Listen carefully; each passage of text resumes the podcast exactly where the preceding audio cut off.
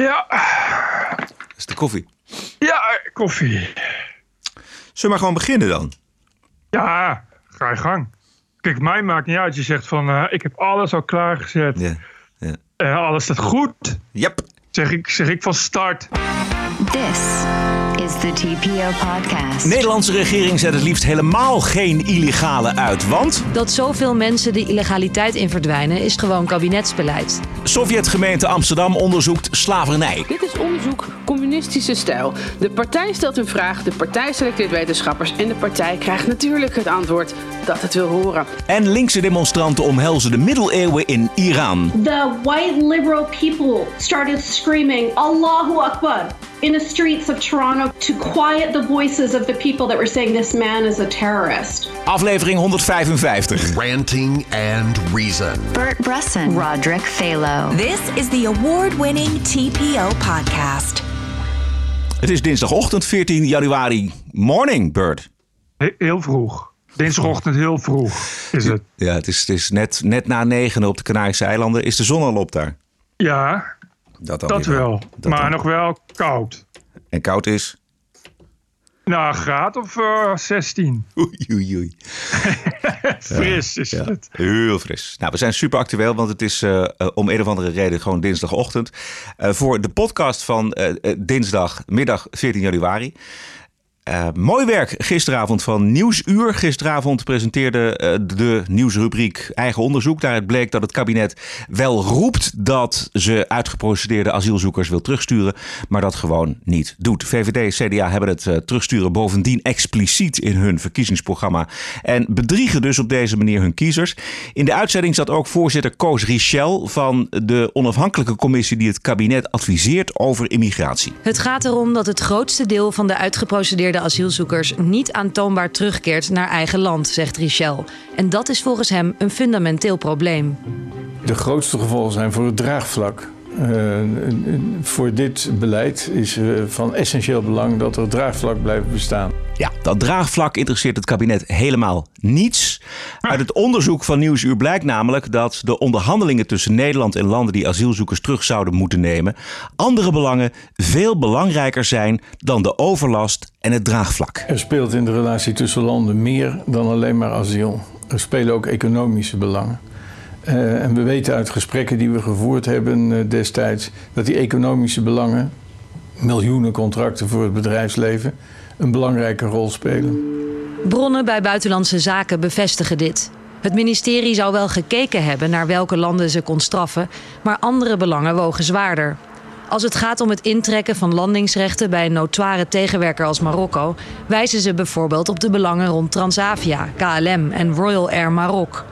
En bij het straffen van landen als Irak of Afghanistan speelt het belang van stabiliteitsmissies en politietrainingen die Nederland daar graag uitoefent. Maar we horen vanuit Buitenlandse Zaken ook frustratie over het beleid van justitie, die jaarlijks zo'n enorme groep illegalen onder de noemer vertrek zonder toezicht uit haar zicht laat verdwijnen. Dat leidt ertoe dat als landen dan eindelijk meewerken en reisdocumenten verstrekken, er toch amper extra terugkeerders naar die landen zijn. Want de reisdocumenten zijn er dan wel, maar de illegalen zelf zijn alweer uit het zicht verdwenen. Ze zijn onvindbaar en kunnen dus niet worden teruggestuurd. We horen bijvoorbeeld dat minister Blok in april 2018 eindelijk met Marokko overeen was gekomen om de terugkeer van 52 illegale Marokkanen te regelen. Maar dat mislukte, want zo erkent ook justitie bij navraag, ze was de 52 Marokkanen inmiddels alweer kwijt. Dat zoveel mensen de illegaliteit in verdwijnen is trouwens gewoon kabinetsbeleid. Want het streefcijfer is, zo zien we in de begroting, om de groep vertrek zonder toezicht gewoon op 50% te houden. Ja, een zeer goede reportage van Nieuwsuur gisteren. Eh, kijk het hele item vooral terug op de website van eh, de Nederlandse publieke omroep. Eh, we hebben het er vaker over gehad, Bert. En het was in die zin, natuurlijk was het nieuws omdat dit de harde cijfers zijn achter het totaal mislukte beleid van terugkerende illegale asielzoekers. Ehm, en goed dat Nieuwsuur dit naar boven brengt. Maar ja, we hadden eigenlijk met z'n allen al het gevoel dat het natuurlijk absoluut niet klopte. Ik wou net zeggen, het is nou niet dat ik eh, van eh, verbazing van mijn stoel val hier wat ik allemaal hoor. Het is eigenlijk uh, alsof je hoort, alsof je je eigen script nu eindelijk weer hoort uitgesproken. Precies zoals je verwacht dat er zou gaan gebeuren, hoor je inclusief dus inderdaad ja, de economische belangen. Dus uh, als we het dan hebben, dan hebben we het hier heel vaak over gehad, over kansloze asielzoekers. Waarom kunnen we die niet uitzetten? Waarom kunnen we geen druk op Marokko zetten? Ja, dat kan niet, want als we dat dan doen, dan uh, gaan KLM en Transavia mekkeren. Dus is economisch belang veel belangrijker.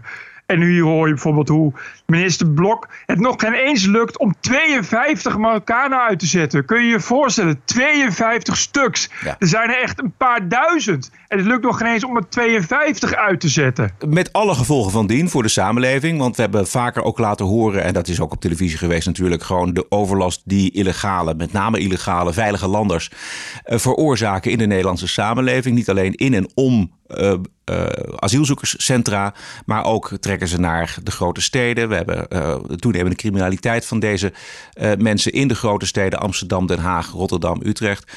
Um, dus we, we weten het, we voelen het. En we weten nu ook dat het kabinet er met de pet naar gooit. En het totaal geen beleid is. Ook al staat het in het regeerakkoord en in de verkiezingsprogramma van twee belangrijke uh, partijen uit de coalitie. Ja, weer zoiets. Weer, weer een verkiezingsbelofte die wordt gebroken. De honderdduizendste. Het lijkt bijna wel alsof de VVD er alles aan doet om zoveel mogelijk verkiezingsbeloftes te breken. Ja. In plaats van het tegenovergestelde. Ja, en het is ook een verklaring voor het gestuntel van uh, de, de, staatssecretaris Broekers-Knol. Die een hele moeizame relatie heeft en eigenlijk helemaal niets voor elkaar krijgt met uh, bijvoorbeeld een land als, uh, als Marokko. Ja, maar het is, het is ongelooflijk. En we horen nu wel ondertussen allerlei politici buiten de PVV en Forum Democratie om, om een strikter asielbeleid. CDA-vicepremier Hugo de Jonge ja, en, ja, ja. en ook de Rotterdamse VVD-wethouder Bert Wijbenga. Maar ja, justitie die dus illegale gewoon zegt van nou oké, ga de maatschappij maar in. Wij kijken niet meer naar jullie om. Dan gaan ze naar Amsterdam natuurlijk. Want wij, hè, hier in Amsterdam, is dan, heb je dan een barmhartig college dat dan de boel opvangt. Uh, hier mag je alles kraken wat je wil. En dan uh, kun je kraken naar kraken naar kraken. En je kan er gewoon kun je een beetje op straat zakken rollen, winkels leegtrekken. Je wordt toch niet geregistreerd. Want als daar nou aan wordt gevraagd, zeggen ze nee, dat doen we niet. Ja. Je kan allemaal, allemaal, ik zou ook echt, dat vind ik ook. Ik vind alle illegalen die nu luisteren, dat zullen niet veel zijn, maar toch, ga naar Amsterdam. Nee, Allemaal nee. naar Amsterdam. Amsterdam is het paradijs. In Amsterdam schaffen ze dat. Maar het is eigenlijk net, zat ik me te bedenken, net als uh, die hele discussie over messen en over criminaliteit en over vuurwerk. Weet je wel, al die voorstellen, dat is allemaal gebakken lucht. Ja. Dit kabinet neemt nul regie, is te scheiterig om andere landen onder druk te zetten. En eigenlijk volledig incompetent op het terrein van asiel. Nou, dat roep ik al jaren. En de meeste mensen roepen dat al jaren. Maar nu Nieuwsuur ook. Dus nu is het bewijs. Dus je mag verwachten dat bij de volgende uh, opiniepeiling zondag van Maurice de Hond... het aantal zetels uh, van VVD en uh, D66 en CDA flink gaat dalen. Dat zal wel niet, want dit is Nederland... Maar ik vind echt dat net als die, net als gisteren die Rotterdamse wethouder, die Wijberga, denk ja, stoere taal, maar het is allemaal bla bla bla bla ja. bla. Van de, ik vind echt als je een VVD'er bla bla bla hoort zeggen, dan kun je net zo goed naar het schijten van een lama gaan luisteren. Dat is net zo interessant. Het is allemaal gelul. Weet je, het komt toch niks van terecht. Nee. Nee, dat, is, dat klinkt heel populistisch, maar het is nu ook zo. Want mm. Nieuwsuur bewijst het. Er Zelfs komt Nieuwsuur. niets van terecht. Het, het Nieuwsuur zegt het gewoon letterlijk. Het, je, de, het is gewoon wat, wat het kabinet nu doet. Dat zie je dus als een reportage van Nieuwsuur. Is gewoon ja, je, eigen, je eigen draagvlak voor je eigen asielidee. Voor je eigen asielbeleid. Volledig zelf ondergraven. Het is bijna, ja, ik denk dat ze in Marokko. Zitten ze gierend van de lach. Ja. Zijn, ze, zijn ze nu Nieuwsuur aan het ondertitelen. Zodat de rest van Marokko het ook ja. even kan bekijken. Het is devastating. Het is verwoestend voor je geloofwaardigheid. Naar je eigen bevolking toe en naar de landen waar je mee moet onderhandelen. Want er valt niks te onderhandelen. Want die landen die weten toch wel, er zijn toch geen repercussies. In de reportage zit ook Ben Knapen, die een tijdje op buitenlandse zaken heeft gezeten. Die heeft zich op een gegeven moment in het kabinet zo boos gemaakt over Ghana. En die heeft uh, bij Ghana de uh, ontwikkelingshulp gekort. Nou, dat heeft ja. geholpen. In dezelfde reportage zit ook het verhaal van Afghanistan. Nederland heeft meer dan duizend keer een verzoek ingediend om mensen terug te nemen. Daar is niet eens door Afghanistan niet eens op gereageerd. Dus die hebben dat gewoon genegeerd. En Nederland die heeft daar wel miljoenen geïnvesteerd in dat land, in die, in die veiligheid eh, daar. eh, om dat land verder op te bouwen. Maar er is, het is dus een. Het Nederlands kabinet is een, is een, is een leem dak. Het, is, het Ja. stelt niets voor. Helemaal En- niets. En het is ook, ook en dat is echt van, van begin tot eind, en dat is al eigenlijk sinds, nou, wat is het, de jaren zestig zo, dat de eerste gastarbeiders kwamen, voorkomen in de handen van werkgevers, van het economisch beleid. Dat is ook, er gaat dan een diplomaat, zo gaat, zie ik dat echt voor me. Een diplomaat gaat naar Marokko, naar Rabat, en die zegt dan ja. Eh, we hebben toch echt heel veel overlast van, eh, van Marokkaanse asielzoekers. En daar willen we nu echt wat tegen doen. En dan zegt, die Mar- zegt zo'n Marokkaan zegt dan... Moment, ik ga, even voor, ik ga even voorlezen hoeveel jullie per jaar aan ons verdienen. That's it. That's it. En dan gaat die diplomaat, die gaat er met het schaamrood op de kaken weer weg. En zo gaat het dus in Afghanistan net zo. Ja, daar reageren ze niet eens. Dat zou ik ook niet doen. Ik zou sowieso niet reageren op Nederland. Nederland is natuurlijk ook een te negeren factor. Ja. En als ze, wel, als ze wel komen, dan zeg je van... Hé, hey, hey, er staat hier een school jullie gebouwd, hè? Wil je dat ik die afbreek? Nou, wil je dat? Nee, hè? Weet je, dat is het. Ja. Dan moet je je voorstellen hoe dat... leg dat nou eens tegen, tegen Trump. Trump tegenover Iran. Stel je voor dat Nederland tegenover Iran... Weet je, Trump die zegt dan van... Weet je, ik ga jullie helemaal kapot maken. Ik ga jullie helemaal sancties, ga ik jullie helemaal uitpersen. En dag na dag voert de druk op. Stel je voor dat Nederland dat zou doen. Die zouden dan zeggen, oh Iran... Nee, kan gebeuren. Kan gebeuren, die, die, die raketten. Eh, sorry. Sorry, weet je wat we doen? We heffen alle sancties op. We gaan eh, samen wel uitpolderen de komende 50 jaar. Ja, dat kan toch niet? Je moet er gewoon een keer zeggen van... Nou, ik ben het nu zat. Ja. En wat er ook gebeurt... Ja. eh, dat- Het, het, het, het, het grappige is ook, Bert, dat eigenlijk die landen waar we het over hebben, Marokko, Afghanistan, Egypte, Irak, Iran, dat, dat daar eh, die, die gewoon geen enkele sjoegen geven als het gaat om het terugnemen van uitgeprocedeerde asielzoekers, dat die landen zich eigenlijk gewoon veel realistischer opstellen en veel harder opstellen dan, dan dat softe Nederland. Hè, want die, die, die zeggen, "Ah, we hebben er gewoon geen zin in. Eh, er is een enorm gedoe om die mensen terug te nemen. Bovendien eh, is het economisch voor die landen vaak veel beter als die illegalen in, het, in Nederland of in West-Europa blijven. Want die werken dan zwart en die sturen dan geld terug. Dus die stimuleren op die manier ook nog de, de, de economie van die landen. Maar ik moet ook denken aan dat eh, debat wat nu een beetje van de grond begint te komen over de bevolkingsgroei in Nederland. Hè, die enorm eh, een vlucht Ja, neemt. En dat vooral bestaat uit eh, immigratie. ja. En, en ik moet ook denken aan Paul Scheffer, die uiteindelijk ook dus tegen de muur oploopt van andere economische belangen, wat we net gehoord hebben. Landingsrechten, allerlei missies. Er spelen gewoon andere belangen. Ja, maar dat is echt. Ik vind het echt. Alsof in Amerika geen belangen spelen. Weet je, wat denk je dat, dat ze in Amerika allemaal blij zijn met hoe, hoe Trump zeg maar, zijn buitenlandbeleid voert om, om Amerika veilig te houden? Ja, dat, weet je, bedoel, Ja, denk je dat het, ze. Bert, het draagvlak en, en de onvrede in Nederland over de manier waarop wij met illegaal omgaan, dat voelt dit kabinet gewoon niet als een belang. Daar, dat interesseert ze geen klap. Nee, maar dat vind ik wel. Let op. Wat ik zeg, je gaat volgende week aan de peilingen van Maurice de Hond zien dat het dus nog wel meevalt. Dat mensen gewoon alsnog vertrouwen houden. En straks, dat let op, straks zijn er verkiezingen, beginnen de campagnes. Dat begint al zo'n beetje langzaamaan eh, uit te rollen. Mensen trappen er gewoon weer in. De VVD en Rutte komen gewoon weer. Die gaan een campagne voeren met eh, harde eisen voor asiel. Strengere regels. Bij straf, straf. Bij ons staat de hypotheekrente als een huis. Bla, bla, bla. Al die leugens, al die blofs die we al gehoord hebben. En mensen trappen er gewoon weer massaal met open ogen in. En dat is een belangrijk gegeven. Dat vind ik echt een heel belangrijk gegeven. Ja, je kan het gewoon doen in Nederland. Je wordt als politicus toch niet afgerekend. Nou, dan is het dus aan de echte oppositie, eh, maar ook aan de linkse oppositie, dus PVV, Forum, maar ook aan de SP. Want de SP gaat naar aanleiding van Nieuwsuur hier al vragen over stellen in de Tweede Kamer. Dan is het die partijen hun zaak dat je tot de verkiezingen deze twee partijen, CDA, VVD, eh, het hele clubje wat in dit kabinet zit, aanpakt op dit onderwerp. TPO Podcast. We gaan naar Iran.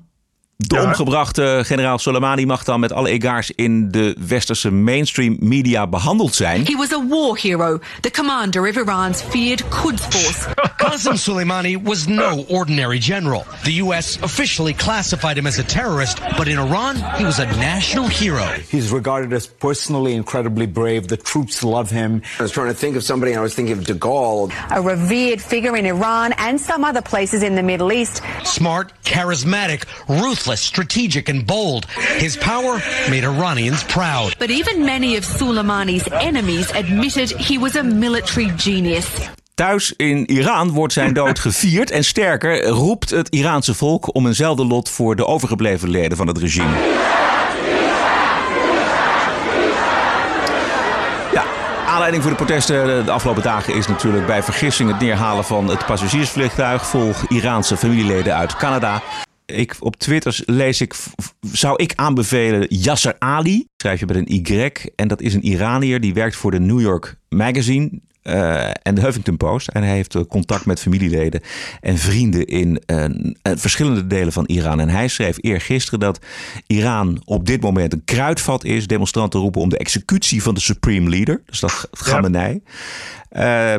demonstranten die nemen daarbij eigenlijk grote risico's, aangezien nog geen twee maanden geleden 1500 demonstranten ter dood zijn gebracht. Die toen protesteerden tegen de gestegen energieprijzen. Ja, ja. En hij leest ook linkse twitteraars de les die Trump de schuld geven van die vliegtuigcrash. Die linkse twitteraars die hebben echt geen idee waar ze het over hebben. Ja, hey, weet je, uh, de uiterst, uiterst linkse Canadese premier Justin Trudeau. Uh, in het vliegtuig zaten een hoop Ja. Uh, volgens Justin Trudeau is het vliegtuig neergeschoten uh, is de schuld van de spanning in die regio. Ja, dat las ik ook vanmorgen, ja. En je raadt nooit wie schuld dat is, hè, die spanning in de regio. Nee. Daar kun je een beetje, wel een beetje bedenken, zoals ja. Just, Justin Trudeau het zegt. Maar het is totaal absurd. Ja. Wat echt, het is echt, ik heb nog nooit iets doms gehoord wat dat betreft. Nou, ik, ik, heb, ik heb toch een aantal aardige domme dingen uh, op een rijtje uh, gezet, Bert. Op de Belgische televisie zagen wij een, zo'n hele domme opmerking van een activiste. Haar naam is Niloufar Ashtari. Zij is van Iraanse kom af en noemt zich vredesactiviste. Er zijn bijvoorbeeld wel trans transvestieten en uh, homo's die... Uh, die opgeknoopt worden? Opgeknoopt worden. Ik weet niet in hoeverre... Dat is, dat is. Uh, maar of dat, dat vandaag de dag nog veel gebeurt, dat weet ik gewoon nee, niet. Maar, maar dat is altijd het beeld dat men blijft uh, uh, creëren van uh, ja. Iran. Um, Thomas Edbrink in zijn documentaires, die kan dat heel mooi schetsen. Dat Iran een land is met heel veel contrasten en, en heel veel regels, maar dat mensen allemaal hun eigen dingetje wel doen. Ik bedoel, Iran is heel groot, 80 miljoen inwoners. Uh, het is bovendien uh, zijn het Shiiten die uh, traditioneel een vrijere cultuur kennen, ook qua persvrijheid. Iran, nogmaals, is heel groot. Een veel ruraal gebied. Maar denk nou niet dat je als uh, travestiet of als transgender openlijk door Teheran kunt gaan lopen.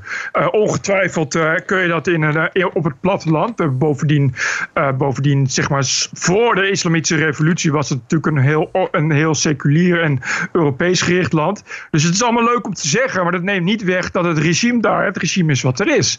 en dat de mensen daar in die end geen vrijheid hebben en gewoon worden onderdrukt. en dat je, dat je en dat wat, wat er met dat vliegtuig vliegtuig gebeurde. Dat is uh, typisch Iran. Dat ja. heeft te maken met, met, met, met, met oud materieel, met, met geen commandostructuur, met verder scheid hebben aan de risico's. Ja, maar wat, zij, wat, ik, wat ik dramatisch vond aan het feit dat zij Thomas Erdbrink noemt, dat is uh, iemand die al heel lang zijn mond moet houden in het, uh, van het Iraanse regime. En dat ja, ook doet. Precies. Weet je, hij, hij, maakt daar mooie reportages en documentaires over hoe leuk en divers het land is. Maar als er echt wat aan de hand is, moet hij zijn mond houden. Ja, want zijn vrouw woont daar en uh, anders, zijn vrouw woont daar. Ja. Dus dan, dan, kun je al een beetje bedenken wat het voor regime is. Het is gewoon verder hetzelfde als een Stasi. Weet je, als je te ver gaat, zeggen ze van luister of je houdt je mond of je familie gaat last krijgen. Ja, ja dat, is, dat is het Iraanse regime. Wat je heel erg ziet bij deze mensen die het opnemen, gisteren ook bij het Vredespaleis in Den Haag opnemen voor Iran en voor het Iraanse regime, is natuurlijk de aversie die ze hebben allemaal tegen Donald Trump. I'm Nilufar Ashtari of the Facebook page noiranwar.org and I'm preparing for the Trump Not Welcome March this Saturday in Brussels. Ja, dit is die mevrouw die je net ook hoorde over uh, Thomas Erdbrink. Weg met Trump! Wij staan voor vrede! Weg met Amerika! Ah. Ja, dus Wij- ja, het is eh, fijn dat dat allemaal zo helder, helder naar Wij, voren wordt gebracht. wij staan voor vrede, weg met Amerika. Juist ja. Ja, ja. Dit, is, eh, dit soort demonstraties zijn overigens eh, worden georganiseerd door internationale socialisten, de Iraanse geheime dienst en verder wat nuttige idioten. Dus eh, vorige week ook eh, op, eh, op het Spui in Amsterdam stonden daar honderd mensen. Eh, en als je daar dan de foto's van ziet, zie je eigenlijk eh, alle usual suspects die je bij elke door, eh, door de internationale socialisten georganiseerde organisaties ziet. Eh, dus de, eh, overigens was ook Saradet Karabloed van de SP'er. Wat, eh, ik ja, heb daar zo mijn bedenkingen bij, maar dat is SP. Dat is, eh, dit is natuurlijk een, flinke fractie van de SP die diep in de anti-Amerika en de zogenaamde vredesbeweging zit. Maar dit, is, eh, dit heeft verder helemaal niet zoveel te maken met, eh, met wat, wat, wat, wat Iran vindt of wat de internationale wereld vindt. Door Iran, je kan wel zeuren over vrede, maar we hebben al oorlog met Iran sinds 1979 zo'n beetje. Jij had het over useful idiots. Hoe het Iraanse regime zich gesteund voelt door deze useful idiots in Europa en Amerika zagen we op CNN. Dit is de vicepresident van eh, vrouwen- en familiezaken in Iran. Dat is mevrouw Ebtekar. Eh, van top tot teen ingepakt. I'm saying that uh, the American government, the American president, made a serious miscalculation. They made a serious mistake uh, by assassinating, uh, by taking this terrorist action against uh, Commander Soleimani. And uh, I'm sure that they regret what they've done because the response is not only limited to Iran, we see this wave of awakening in many countries in the world, in many European countries, in the U.S.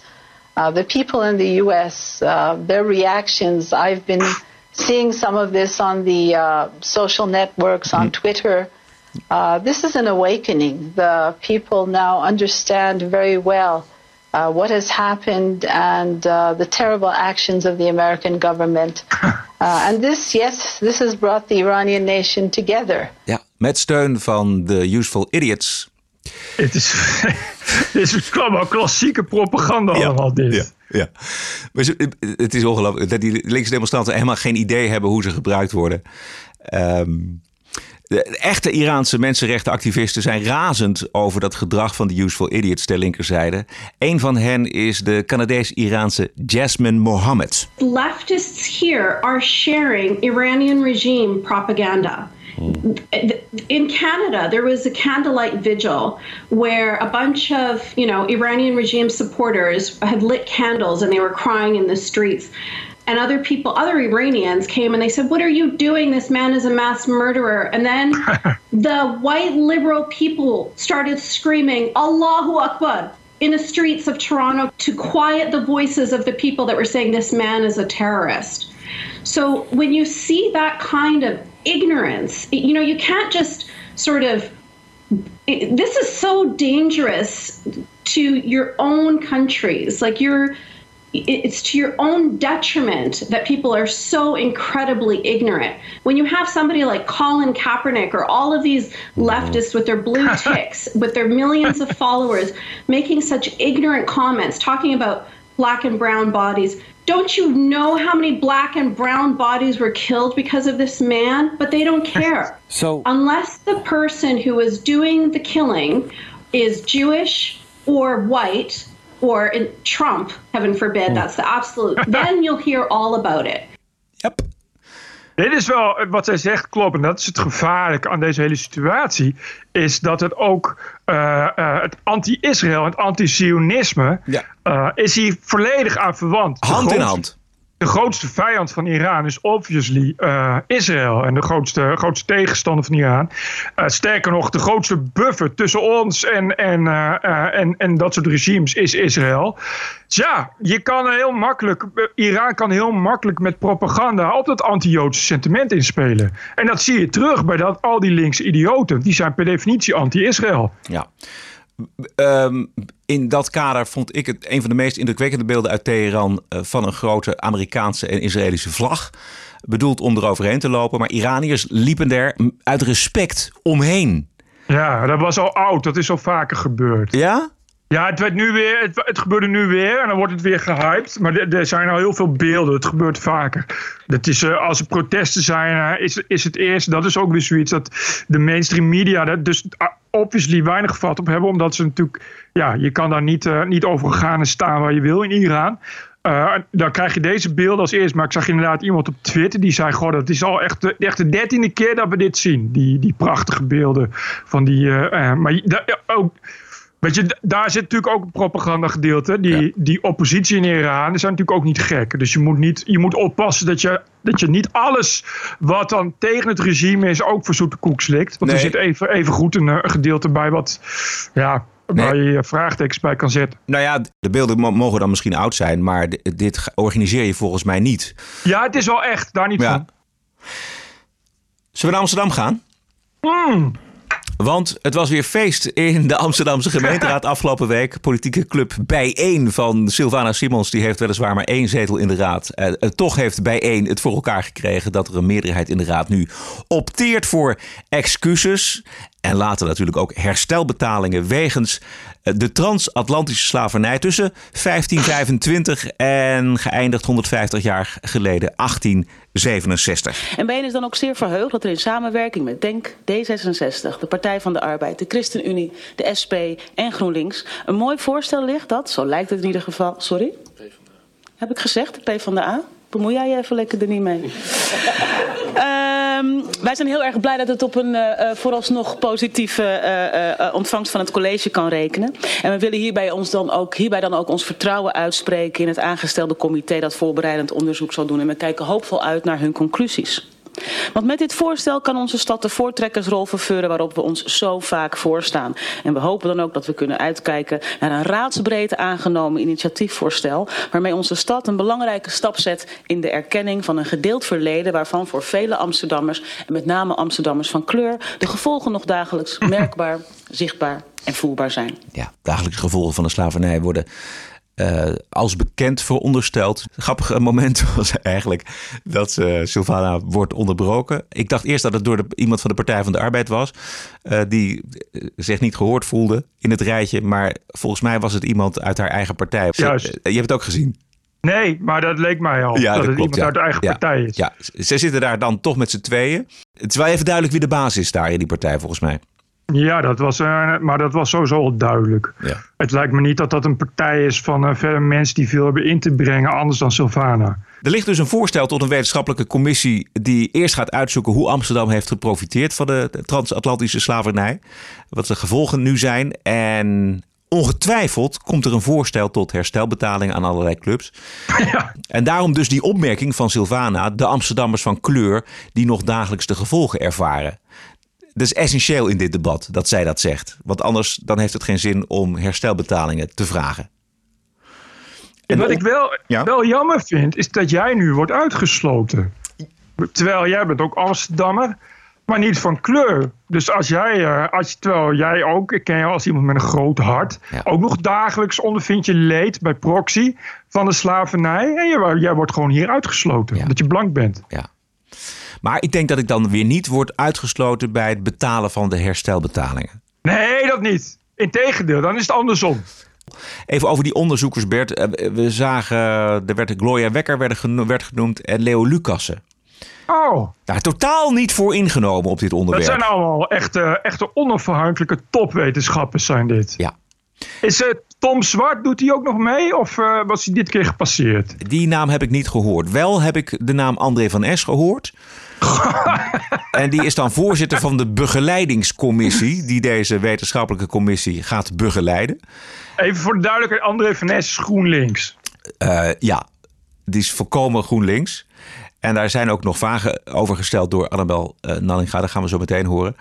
Um, een volkomen dichtgetimmerde commissie. Met een volkomen dichtgetimmerd doel, namelijk excuses en betalen. En voor deze inclusieve aanpak hebben GroenLinks, Partij van de Arbeid, D66 bijeen en de rest de VVD buitengesloten. Om heel eerlijk te zijn, moeten wij constateren dat dit voorstel niet inclusief alle partijen in de Raad is gedaan. Dit is Marianne Poot van de VVD. En dan snap ik het wel enigszins. Maar de andere kant is dat, en ik kan alleen maar voor de VVD spreken, de VVD in ieder geval niet benaderd is om mee te doen, niet gevraagd is om mee te denken. Um, en om heel eerlijk te zijn, ook niet op de hoogte is gesteld. En Forum ook niet. Hier gevraagd om raadsbrede steun. En die is ook bij ons uh, niet gezocht, wil ik voor de record nog even laten weten. Goh, het klinkt uh, heel democratisch allemaal. Ja, het, klinkt vooral, het klinkt vooral heel exclusief.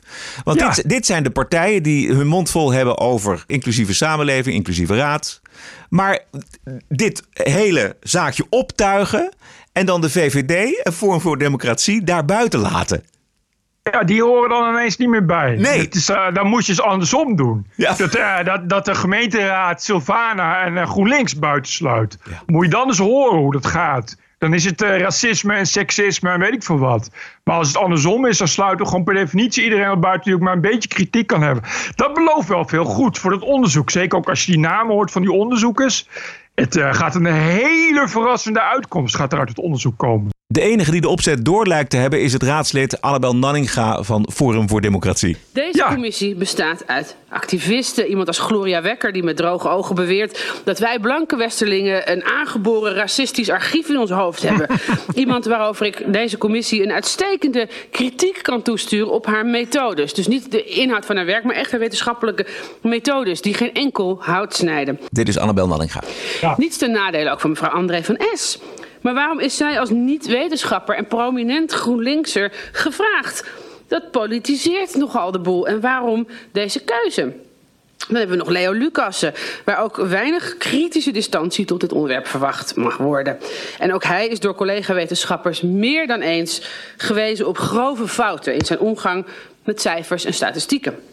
Voorts bestaat deze commissie uit mensen uit het activistische subsidiemilieu, waarvan wij denken dat ze er heel veel belang bij hebben om via excuses aan te sturen op herstelbetalingen. En uiteraard, omdat er geen slachtoffer van de transatlantische slavernij meer in leven is, is die uit te keren aan allerlei genoegdoeningsclubjes via subsidies. Uh, Annabel Nanninga voor president. In Amsterdam in ieder geval? Uh, sowieso in Amsterdam. Maar dat zou dan, uh, wat mij betreft, mag dat dan een staatsgreep zijn. Maar ook uh, als eerste vrouwelijke premier, ik heb daar wel zin in. Amsterdam wil een uitkomst van een onderzoek en selecteert de onderzoekers die die uitkomst gaan leveren. Sovjet-style onderzoek. Dit is onderzoek communistische stijl. De partij stelt een vraag, de partij selecteert wetenschappers en de partij krijgt natuurlijk het antwoord dat het wil horen. En voor de partij mogen wij hier in Amsterdam gerust het kartel invullen.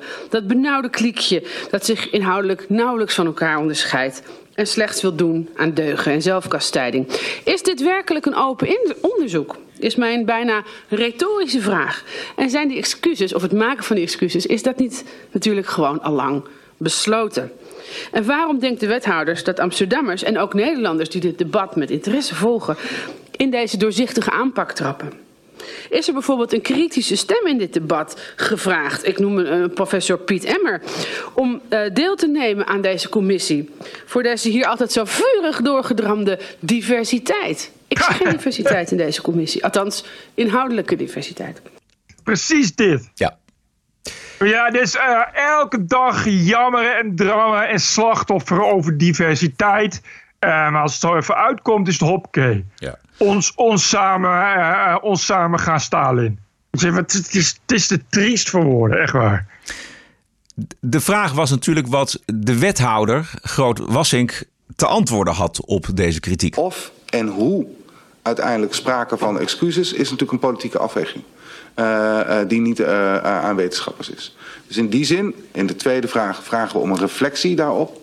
Um, maar dat is niet een, een dwingend advies of iets dergelijks. Uiteindelijk ligt dat natuurlijk bij het college. Ik, uh, uh, voorzitter, meen zo alle vragen behandeld te hebben. En kijk uit naar de behandeling in de Raad. U heeft een interruptie van het lid Nanninga.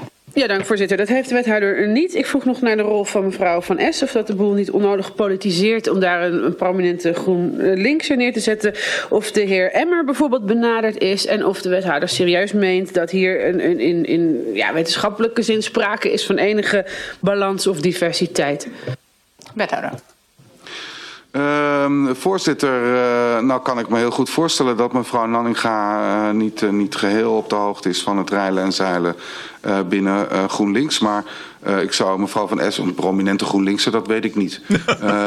zij is iemand met een ruime ervaring, ook in deze stad.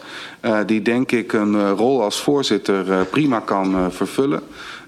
ik denk dat zij juist met een buitengewoon kritische en integere kijk op zaken eh, hier naar kijkt. Dus ik, ik zie daar uh, zelf geen enkel uh, bezwaar uh, tegen. Lid Nanning heeft nog een tweede termijn en heeft daar 25 seconden voor. Ik kan het kort houden, voorzitter. Ik wil echt nog even terugkomen op de keuze voor Van S. Die, als, als voorzitter, daar had de wethouder net ook geen goed antwoord op. Hè? Alleen, ja, ik stel vast dat u dat vindt. Nee, het is een feit dat zij als voorzitter van een wetenschappelijke commissie uh, zeer voor ingenomen is. Niet alleen heeft zij politieke kleur voor iets wat voor alle Amsterdammers moet gelden. Zij heeft zich ook expliciet herhaaldelijk uitgesproken dat zij hoopt op berouw voor het slavernijverleden. Ik citeer hier letterlijk, ik heb het even opgezocht. In 2013, nee, de, André van Es hoopt op formele verontschuldigingen voor het Nederlandse aan het slavernijverleden. Uh, ongeschikt als voorzitter. De mevrouw die hier doorheen zat, dat is de voorzitter. Voor dat moment was dat de GroenLinks mevrouw uh, Teerza de Fokkert. Oh. En wat mij opviel was dat zij uh, heel streng was in de tijd voor Annabel Nanninga. Mevrouw Nanninga, ik uh, uh, vind het wel vervelend dat op het moment dat ik u vraag om even te pauzeren, dat u dat niet doet. en als het me wat beter gelukt was, dan had ik ook wellicht wel uw microfoon uitgezet. We hebben hier afspraken met elkaar. Ja, dan kunt u zo doen, maar we hebben afspraken met elkaar hoe we hier in de vergadering omgaan. En het zou u sieren als u zich daaraan zou willen houden. Maar als het gaat om de tijd van een ander raadslid, bijvoorbeeld van de partij Denk in dit geval, houdt ze er toch ook andere normen op na? Meneer Kaan, kunt u komen tot uw vraag, want u bent eigenlijk al door uw tijd heen. Oké. Okay. Deze vraag heeft betrekking op de meldingsbereidheid en het vergroten van de meldingsbereidheid. Dan krijgt hij nog 30 seconden. Uh, wij als Denk hebben hier heel vaak aandacht voor gevraagd. Ja. nou, over deze groep 347 werknemers wil ik vragen. Raar, vind je niet? Uh, Nanninga wordt dan afgekapt en deze meneer mag nog zeker 30 seconden zijn verhaal doen. Zodat wij leren is nog steeds aan het woord. en daarmee een beleid kunnen verbeteren om die meldingsbereidheid voor ook andere en, en medewerkers krijgt deze meneer nu ook een boze, boos standje? Of dat zal dan wel niet? Nee. Goed, uh, we gaan het afwachten hoe dit, uh, hoe dit loopt. En wanneer de herstelbetalingen komen. Kijk, het interessante is natuurlijk, je mag best, laten we daar duidelijk over zijn. Het is heel goed om het slavernijverleden van Amsterdam, van Nederland, in kaart te brengen, voor zover dat nog niet gebeurd is. Maar dit is, wordt zo gepolitiseerd en als daar inderdaad herstelbetalingen uit voortkomen, ja, aan wie ga je die betalen? Natuurlijk aan die gesubsidieerde clubjes. Die zitten al handenwrijvend te wachten op de uitslag van de commissie. TPO Podcast. Even nog even iets over die jonge criminelen. Uh, Bert, waar we het vorige week en de week daarvoor en de week daarvoor uh, over hadden. Burgemeester Johan Remkes van Den Haag, die zal uh, denk ik geen echte luisteraar zijn van de TPO-podcast. Maar hij neemt wel onze suggestie van vorige week over dat ouders van minderjarige daders gewoon de rekening gepresenteerd behoren te krijgen van de schade dat hun kroost zoal aanricht in de Hofstad hij zei dat gisteren in een interview met nu.nl. En hij zei: Het zou best zo kunnen zijn dat ouders zich sneller gaan realiseren als ze een verantwoordelijkheid hebben en er een stevige rekening op de deurmat ligt. Daar heeft Remkes helemaal gelijk ja, in. Dat heeft hij zeker. Maar goed, Remkes is ook een VVD, dus ik zou er niet op rekenen. TPO Podcast. Bert houdt dat allemaal keurig bij, de administratie voor de TPO-podcast. Uh, Bert, wat heb jij gevonden, gekregen? Heel, heel veel, want uh, even kijken hoor. Want uh, er was ook iemand die nog even wat wilde rechtzetten over wat wij allemaal vonden de vorige keer. Eén seconde. Ja. Ik bladeren door mijn, door mijn mapjes. Ja, hier heb ik het. Het is uh, Theo Ploeg. Theo Ploeg is een uh, fan vanaf het eerste uur. Uh, hij is docent, volgens mij, aan de Hogeschool van Amsterdam. in elk geval bij, bij het HBO. ik had vroeger wel eens een fitty voor tegen hem, want hij is ook wel een beetje linksig. Maar hij begrijpt dingen ook wel. En hij heeft al eerder gemaild, et cetera. die zegt, Bert Roderick. Nou, nou, nou. Zoals jullie weten luister ik wekelijks naar jullie podcast en doneer ik regelmatig een bedrag. Maar Jullie rant tegen de Frankfurter Schule vorige week, begrijp ik wel, maar vind ik ook een beetje jammer. Ze getuigt van weinig inzicht in het werk van Adorno, Horkheimer en Marcuse. Ik houd even bij deze drie. Ja. Uh, Thijs Leijster, dat is waar we het vorige keer over hadden. De, die in uh, eh, NSC iets over had geschreven dat alle rechtse mensen geschift zijn, zoiets. Thijs Leijster maakte misschien een potje van, maar dat betekent niet dat hij Adorno juist gebruikt. Sterker nog, dat doet hij nou juist niet. Ongeveer een jaar geleden deed Maarten Boudry dat zoiets ook al eens een keer in NSC. Daar heb ik toen op gereageerd met een artikel. Uh, nogmaals, ik vind het erg belangrijk. Ik ben een Frankfurter Schule-kenner en misschien ook wel een klein beetje fanboy van de Frankfurter Schule. Al kan ik me niet echt vinden in hun rigide duiding van popcultuur, vooral door Adorno. Uh, voor de duidelijkheid, Adorno en Marcuse hebben een schurfthekel aan identiteitspolitiek. En dat is ook eenvoudig aan te tonen in hun werk. Groetjes, Theo, PS. Mijn kat heet Adorno en hij houdt van popcultuur. uh,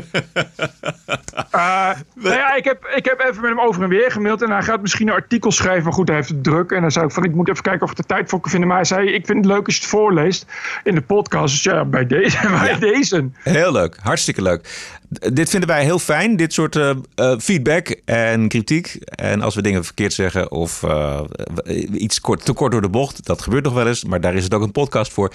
dan horen wij graag als dat helemaal niet klopt. Je kunt schrijven naar info.tpo.nl. Maar er was meer, Bert. Ja, uh, Harm Westland, die uh, uh, vroeg ons, kan ik voor jullie een social ding opzetten op Mastodon? Mastodon is een soort Twitter, voor zover ik het weet. ik zeg, nou, je gaat je, je, gaat je geheim maken, want ik heb daar verder toch niet veel verstand van. Dat heeft hij gedaan. En je kan naar tposocial.nl. Hey. TPO, TPO, social, socials in social media aan elkaar. TPOsocial.nl. Uh, als je daarop klikt, dan kom je gewoon op een site uit van Mastodon. En als je dan een Mastodon-account hebt, dat is zeg maar hetzelfde als een Twitter-account, dan kun je met alle gebruikers die zich ook hebben geregistreerd voor TPO Social binnen Mastodon kun je leuk over of TPO-podcast uh, communiceren. Dus het is een soort Twitter-list, maar dan in een soort afgeschermde omgeving. Dan heb je dus een feed met allemaal fans van TPO. Uh, dat zegt ook, het is een soort Twitter, maar dan een eigen instance of server waar je dus een aparte timeline hebt voor iedereen die zich aanmeldt bij tposocial.nl. Je kunt het ook op de wereldwijde Mastodon-tijdlijn zien als een soort Twitter. Het zou leuk zijn als je het even noemt. Uh, nou, dankjewel Harm Westland. Harm, onze dank is groot. Yes. Want zelf kunnen wij dit niet. Ik, ik althans niet. Ik, uh, uh, JP van der Meer. Of, uh, ja, Jean-Paul van der Meer. Ik weet niet of ik zijn naam mag noemen. Maar dat heb ik er bij deze gedaan. Jean-Paul van der Meer. Even kijken, zojuist heb ik een donatie gedaan. Al sinds een jaar en dag zijn jullie de favoriete dag van mijn week. RTO, NPO, RTL Nieuws, dagbladen kan ik eigenlijk niet meer verdragen. Dus ik richt me alleen nog op TPO, geen stel, no agenda en TPO podcast. Dat zou ik niet doen, maar uh, het is in elk geval erg vlijend.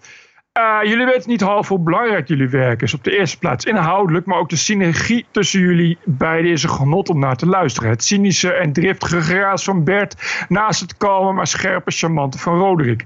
Enige advies, meer, vaker, langer, luider, uitroepteken.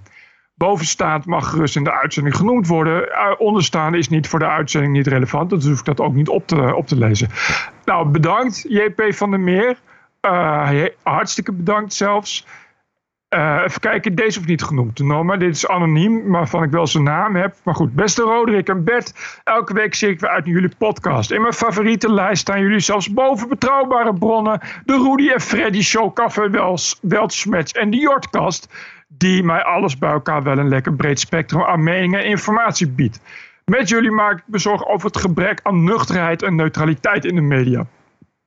Ik luister overigens via Spotify en hoop dat jullie daar wat aan overhouden. Voor de zekerheid heb ik een kleine donatie gedaan. Hoop nog lang te kunnen luisteren naar jullie vrolijke en realistische geluid. Goed. Nou, bedankt anonieme lezer. Uh, dat is uh, wederzijds, zullen we maar zeggen. Ik geloof dat dit een beetje was aan, uh, aan inzendingen voor deze week. Nou, geweldig. Wil je ondersteuner worden van de TPO-podcast? Dat kan met ideeën of suggesties. Uh, mailen kan naar info.tpo.nl. En financiële ondersteuning stellen wij op hoge prijs. Waarderen en doneren kan op tpo.nl slash podcasts. En je kan dus naar tposocial.nl als je de hele dag lekker wilt soort van twitteren over de TPO podcast. This is us. This is our country. This is CNN breaking news. I believe that the president is literally an existential threat. Stop the hammering out there. Who's got a hammer? Make America great again. New York Times and CNN have also smeared veterans like myself. This video was taken during a heated exchange with an unidentified man who called Cuomo Fredo. Stop the hammering. This is the TPO podcast. News 630 WMAL, Washington. Ja, dat impeachment dat ligt nog even stil. Het moet naar de Senaat. Maar Nancy Pelosi, de leider van de Democraten, die uh, wacht er maar mee. Omdat ze het allemaal nog niet ziet zitten. En ze verwacht dat het uh, niet eerlijk zal worden behandeld in, uh, in de Senaat. Tenminste, niet zo eerlijk als in het Huis van Afgevaardigden. zaterdag stond er in het Financiële Dagblad een uitkomst van een onderzoek van Pew Research. Yes. Naar het vertrouwen in wereldleiders. En het meest opvallende in dat onderzoek was dat de Chinese leider Xi meer vertrouwen onder de Nederlanders geniet dan Donald Trump. Namelijk Goh. 38% om 25%. Dus uh, de dictator van een totalitair geregeerd land, waar Oeigoeren en Tibetanen het leven wordt zuur gemaakt. en in concentratiekampen zitten. Een land waar grote delen van de bevolking als slaven werken. Uh, die dictator krijgt in Nederland meer vertrouwen dan een democratisch gekozen en gecontroleerde president.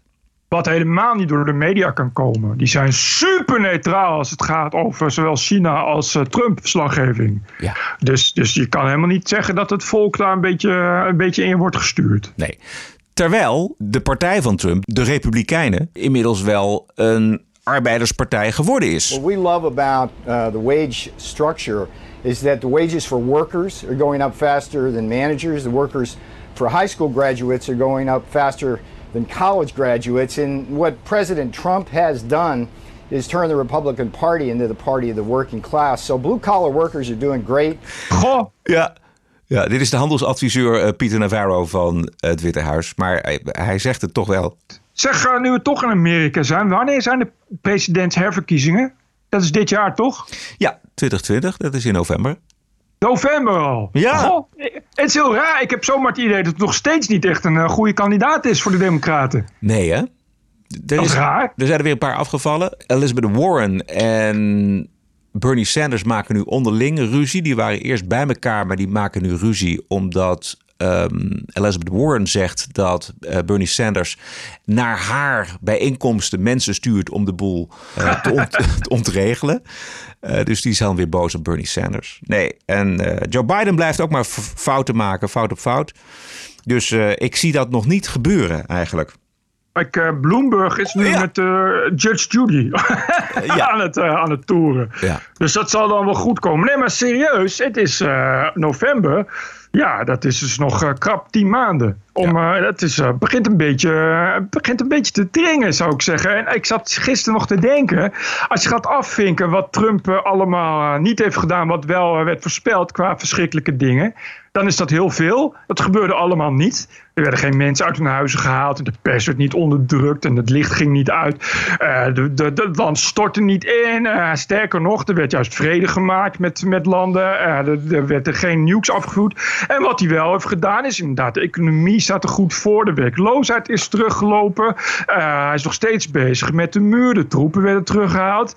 Dus ja, ik heb zo het idee dat als je nu nog geen goede kandidaat hebt... die een hoop in het vooruit zich kan stellen, kon het wel eens wel een heel groot probleem gaan worden voor die herverkiezing. Want Trump kan nu gewoon zeggen van dit heb ik allemaal gedaan, stem weer op mij. En dan kon het wel eens hard gaan. Ja. Denk je niet? Ja, dat zou best kunnen. Ik moet niet vergeten dat volgens mij Trump vier jaar geleden rond deze tijd ook zo'n beetje zijn kandidatuur bekend maakte. Weet je, er is ook niet echt op die Bloomberg na dan, is er niet echt een inspirerende figuur die nu bovenaan exact. de pols staat voor de Democraten. Ik zie die Biden, die gaat het toch niet redden in debatten tegen Trump. Nee, dus ik, ik, ik, het, ik, ik denk dat het Bloomberg moet gaan worden. Dat is het enige wat nog over is. Ik zie ook niet nu nog ineens nu iemand voorschijn komen. Ja, of, of, of Hillary Clinton moet het nog een keer gaan doen. Ja. Het lijkt mij niet zo'n handige keuze. Maar goed, bij de Democraten kun je alles verwachten. In november wordt er een nieuwe Amerikaanse president verkozen. Of dezelfde, dat zou ook nog kunnen. Nou, ik vind wel, zoals uh, nu bijvoorbeeld bij uh, Prins Harry en mevrouw Meghan Markle. Die zeggen, ik, die willen naar Los Angeles, maar niet zolang Trump aan het roer staat. Dan zeg ik, jongens, in 2024 is het definitief voorbij. Ja. Dus zo'n uh, vier jaar, dan kun je echt naar Los Angeles. Nou, er zijn zelfs mensen op de Amerikaanse televisie die denken dat Trump ook nog een derde en een vierde en een vijfde en een zesde termijn is.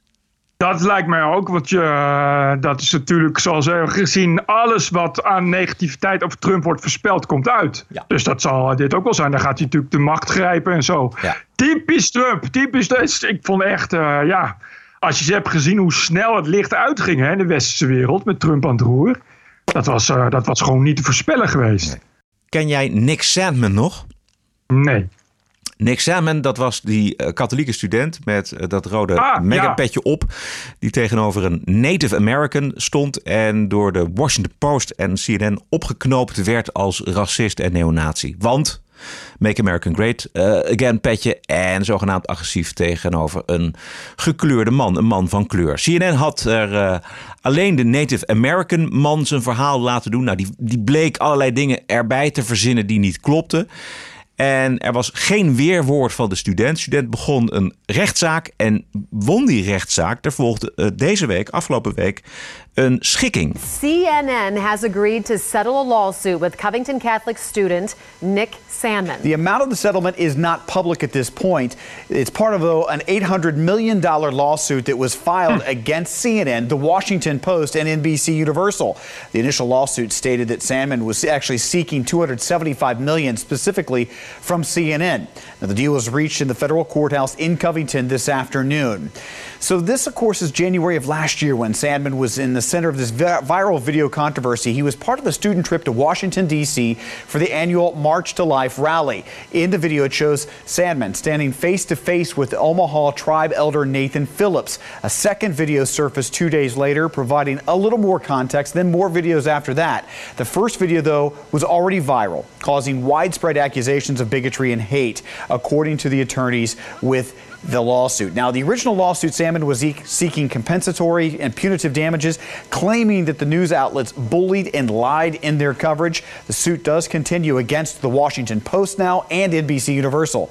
The court dates, though, are not set for those in that part of the trial to continue. Now, attorneys are not stopping, they say. They've informed the judge today that they plan to continue to sue other entities, including Gannett Newspapers. That's the owner of the Cincinnati Enquirer. They say that lawsuit will be filed within 60 days. Sandman's attorney told Lauren Artino in the courtroom money was not the goal, but to deter defendants from doing the exact same thing with their coverage in the future. Ja, dit zijn toch wel echt behoorlijke bedragen. Wat zei je, Bert? Ik, ik, ik wou net zeggen, de, de, de originele vraag was 275 miljoen. Aan CNN dus alleen? Aan CNN. En CNN heeft gesetteld. Dus je kan er donder op zeggen dat die jongen op zijn minst tientallen miljoenen nu heeft. Ja.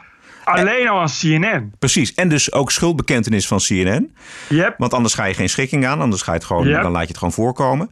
En wat blijft er over? Want het ging totaal om een bedrag van 800 miljoen dollar. Dat zijn echt bedragen. Dus er blijft nog 525 miljoen over uh, voor Universal en de Washington ja, Post. Precies. Dit is uh, ongekend volgens ja. mij. Dit is wel echt een unicum en hij heeft het goed gedaan. Want hij is natuurlijk wel uh, op, een, op een verbijsterende manier kapot gemaakt.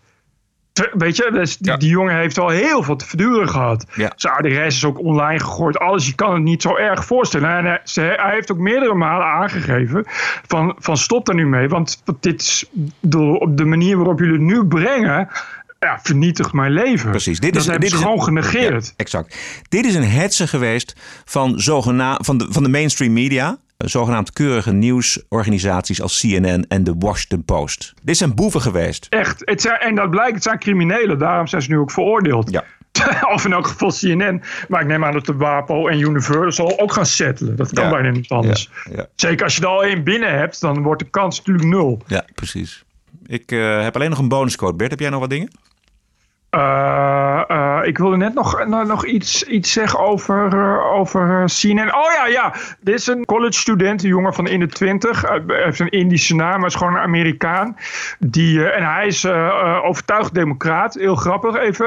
hij is ook voorzitter van een van de democratische commissie op school. maar hij is hardcore hater van CNN. Omdat hij CNN vindt die fake news en et cetera. die heeft nu al een paar keer... Uh, 20 minuten voordat CNN iets ging scoopen, heeft hij gescoopt. Puur en alleen door uh, de URL op CNN aan te passen. Want dan krijg je CNN.com. En dat waren, ik geloof, uitslagen van, van verkiezingspolls of, van uh, nou, populariteitspolls van politici. En dat staat dan op een URL die heet als CNN.com slash uh, poll en dan de datum. En als je, dat, als je dat dan weet, kun je die datum veranderen. En dan staat het alvast klaar. Weet je, op CNN. Dat, dat, dat, is een oud, is een bekend oud foefje. In Nederland hebben we dat een paar jaar geleden bijvoorbeeld gehad met de miljoenennota. Dan kun je gewoon op rijksoverheid.nl miljoenennota. 2017 kon je dan al een miljoenennota inzien. Met CNN gebeurt dat hetzelfde. Die jongen die heeft dat gedaan en die scoopt dat dus 20 minuten. Nou, dat is in de media gekomen. De New York Times heeft erover bericht en de Washington Post. En ik geloof de ABC News zag ik laatst over. Die jongen is wereldwijd viral gegaan. En dat is ontzettend grappig. Die jongen is gewoon een democraat. Heeft helemaal geen, heeft geen, geen enkele Breitbart of, of, of, of, of uh, republikeinse belangen. Maar die is nu gewoon keurig CNN kapot aan het maken op een legale manier. En dat CNN reageert daar niet op. Die hebben daar geen antwoord op omdat, ja, je weet, die internetinfrastructuur, dat is natuurlijk allemaal voelbaar. Als ze dat ineens moeten gaan beveiligen, uh, dat doet eigenlijk denken aan Amsterdam. Daar ga ik zo nog wat over zeggen. Maar als ze dat moeten gaan beveiligen, ja, is, is, is, het, uh, is dat natuurlijk één groot probleem. Uh, ja, ik, ik, CNN heeft uh, nu ook maand op maand, kwartaal op kwartaal, de laagste kijkcijfers ooit. Ja. kijk echt, echt. En als je ziet, bijvoorbeeld, zag ik laatst iemand die dat had uitgerekend ziet hoeveel miljoen views een uitzending van Joe Rogan op YouTube heeft. Ja. Dat zijn er dan echt, echt meer dan 10 miljoen. Dat zijn er dus meer dan CNN bij elkaar. Ja. Ja. En dat zegt, dat zegt toch wel iets. Ja. Weet je, ik, ik, ik bedoel, het, is, het is, gaat zo slecht met die media dat het echt onvoorstelbaar is. Als je erin verdiept, dan denk je echt, wow. Het is volgens mij ook het gevaar van dat je zo duidelijk kiest voor de Republiek, voor, voor de Democraten en tegen, tegen Trump, is dat je op een gegeven moment mensen, kijkers hebben het, kennen het foefje wel en die weten het wel. Ik merk aan mezelf bijvoorbeeld als ik op mijn Twitterlijn, ik volg CNN nog steeds, maar dat ik er bijna niet meer naar kijk. Want als ik het woord Trump zie staan, dan weet ik het eigenlijk wel. ja, kijk, dan kijk je nog eventjes om het bevestigd te krijgen. Maar het gaat altijd heel erg helder en duidelijk. En hetzelfde geldt voor de Washington Post en de New York Times ook. Dus op een gegeven moment krijg je dus een, een hoeveelheid mensen uh, die jou alleen nog volgen omdat ze het eens zijn met je. Maar ja, dat, dat clubje dat gaat zich op een gegeven moment ook vervelen. Die weet dat op een gegeven moment ook wel. En je krijgt helemaal geen nieuwe aanwas. En je wordt nee. niet meer serieus genomen als nieuwsorganisatie. Nee, en, en ik vind als je bedenkt hoe, hoe uh, die alternatieve media, zowel de groei als Joe Rogan, maar ook bijvoorbeeld Alex Jones als Infowars, wat natuurlijk, natuurlijk alleen maar gelul is. Of, of alleen maar gelul, maar weet je, waarvan je, waarvan je niet kunt uitgaan dat het nou de pure feiten zijn. Nee. Als je hoeveel groot die zijn. Uh, uit het niets. Maar volgens mij, ik ken Joe Rogan niet, uh, niet, niet zijn geschiedenis. Volgens mij is dat iemand die gewoon ging podcasten. Ja. Weet je? En dat is iemand die nu eigenlijk al een groter imperium heeft als CNN in Amerika. Ja. Of, of Alex Jones, weet je, als je ziet hoeveel invloed zo iemand heeft. En ja, dat vind ik veelzeggend. Uh, jij wilde nog iets zeggen over Amsterdam. Ja, uh, Amsterdam, het complete uh, ICT-systeem. Uh, ook, ook het, uh, ook het uh, systeem, financieel systeem en echt belangrijke zaken draait nog op Windows 7. voor, voor computerkennis is dat zeg maar 1991. Windows is sinds gisteren gestopt met patches en beveiligingsupdate uitbrengen voor dat systeem. Amsterdam draait nu nog, nog steeds op dat systeem. Uh, daar zijn er dus kritische vragen over gesteld aan ja. de wethouder. Die zegt ja, dat is, uh, zijn we mee bezig. Uh, de grap is dat Windows, en niet alleen Windows, dat het al vier jaar bekend is. En dat al die bedrijven al vier jaar lang, ongeveer elke twee weken zeggen... let op, over vier jaar worden we gestopt met updates en patches. En zorg dat je je systeem op orde hebt. Al vier jaar lang wordt dat gezegd aan Amsterdam. En al vier jaar lang wordt dat genegeerd. En nu om, om, om de grootste gevaren uh, zo snel mogelijk te dikken, moeten dus extra mensen worden ingekocht om dat per computer te gaan aanpassen. Er moet nu dus tonnen aan belastinggeld extra worden uitgegeven aan experts van Windows die ja, om, om bij wijze van pleisters plakken, snel uh, voorlopig de boel nog een beetje veilig dicht te houden. Om uiteindelijk over te kunnen op, op Windows 10 of, of een van de bestuurssystemen, wat wel nog jaren mee kan. En als je het leest, het is gewoon niet te geloven. Waar las je dit? In, uh, in het parool. Ja, prioriteiten. Andere ja, prioriteiten. Het is gewoon. Ja. Wel prioriteit over, over, over, over slavernij en over inclusiviteit, over, over uh, uh, Stalinistisch gesubsidieerd kunstbeleid. Maar kaders en bruggen en het beveiligen van computersysteem, ho maar. Uh, Bert, we gaan naar de bonusquote. TPO Podcast. Aart Staartjes is overleden, dat weten we allemaal. Yes. Aan de gevolgen van een verkeersongeluk. Hij is 81 geworden. Um, voor mij is het vooral de stratenmaker op zee. En voor Bert vooral de JJ de Bomshow. Uh, toen was ik, ik, ik was toen heel klein en ik mocht dat niet kijken vroeger thuis. Oh. Want wij waren van de NCV en zo. En JJ de Bom, dat was te veel gevloek. dus dat was niet... Ja, uh... ja. die zei ook gewoon uh, de, inderdaad de zaken die, die kleine kinderen ook zeggen. Maar dat zeiden ze gewoon op televisie hij had de deugdmens al vroeg door. Ze zeggen altijd dat je om een goed mens te zijn... zoveel mogelijk andere mensen moet helpen. Nou, dat is ook wel zo. Maar ik vind dat er zoveel mensen zijn die het op zo'n vervelende manier doen. En ze willen wel andere mensen helpen... maar ze willen er altijd heel erg voor bedankt worden. Zo is het. Het is een groot verlies. Dat is een, een, een, uniek acteur. Zeker voor kinderen heeft hij heel veel betekend, denk ik zo. Ja. Af en toe lees, luister ik die tune terug van de Stratenmakers op Zeeshow. Die ik al, nou, die is uit 72. En die heb ik sinds 72 niet meer gehoord. Um, maar dat brengt zoveel uh, leuke herinneringen uh, met zich mee. Had jij die herinneringen ook bij het uh, overlijden van Tom Mulder? Nou, ja zeker. Want ik heb ook nog oude programma's van Tom Mulder had ik nog bewaard. Uh, ook uit die tijd. Uh, nou, ietsje Aha. later was dat. Dat was de Havermout Show. Samen met Casper Lieshout van Breukelen. Dat waren gouden tijden. ik heb uh, Tom Mulder ook nog een tijdje gehad als programmaleider bij Radio 10. Toen ik daar discjockey was. Ik ken hem. Hij is toch van Tom Mulder? Zo'n jingle? Ja. Toch? Van die jingles die dan... ja, vroeger, vroeger luisterde je nog wel radio natuurlijk. Dat hoorde je dan gewoon de hele dag. Ja. Weet je, die jingles, en dan, dan, dan is zo iemand overleden. Die naam, waar ken ik die toch van? Maar dat, is gewoon, dat zit er gewoon in je onderbewustzijn bij mij. Als kind heb je dat gewoon dan elke dag hoorde je zoiets. Ja. En Tom Mulder die heeft nog heel lang onder zijn naam Klaas Vaak uh, radioprogramma's gemaakt. Oh ja. En die had een hele mooie jingle. Heb je die jingle? Ja, die heb ik wel. Die ga ik eventjes zoeken. Is, is leuk om er straks achter te gooien. Ja, zeker. Maar ik ga hem er nu eventjes achter zetten. En dan weten we dat meteen. Even kijken. Epic radio dit allemaal, hè? dus in die tijd, en je weet, in die tijd werden gewoon nog jingles gemaakt met de hand. Op een, op een acht sporenband of zo. Of een cassettebandje.